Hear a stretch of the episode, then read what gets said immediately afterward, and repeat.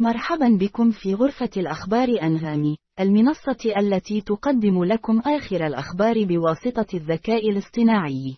نبدأ اليوم بأخبار العالم حيث تم العثور على بخار الماء يدور في جو كوكب صغير خارج المجموعة الشمسية، وفي نفس السياق الفضائي، تسعى مهمة فضائية جديدة لمعرفة لماذا ليست الزهرة مثل الأرض.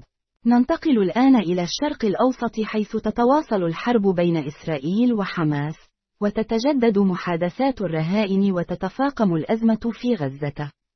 وفي حادثة مأساوية، تم إطلاق النار على امرأة كانت تحاول الفرار برفقة حفيدها الذي كان يحمل علما أبيضا. في الإمارات، تخطط عاملة نظافة فلبينية لمستقبلها بعد أن فازت بجائزة قدرها 100 ألف درهم في جوائز مكان العمل في الإمارات. وفي عالم الأعمال، أقلع أول طائرة بوين 737 ماكس 9 مع الركاب بعد توقف دام ثلاثة أسابيع، حيث جلس المدير التنفيذي لشركة طيران ألاسكا بجانب فتحة الباب.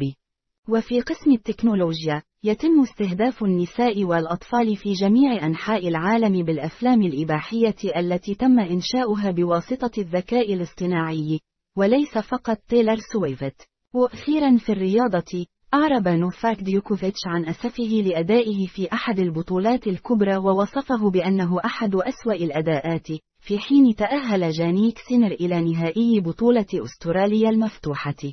متابعة للنشرة، اسمحوا لي أن أرحب بمحرر الأخبار. نشرت بي بي سي كم خبرا يتعلق بالمزارعين المحتجين في فرنسا حيث قدم رئيس الوزراء التنازلات الرئيسية بعد احتجاز الطرق حول باريس. ما هي التنازلات الرئيسية التي قدمها رئيس الوزراء الفرنسي؟ قدم رئيس الوزراء الفرنسي تنازلات رئيسية للمزارعين المحتجين في محاولة لإنهاء التظاهرات المتزايدة.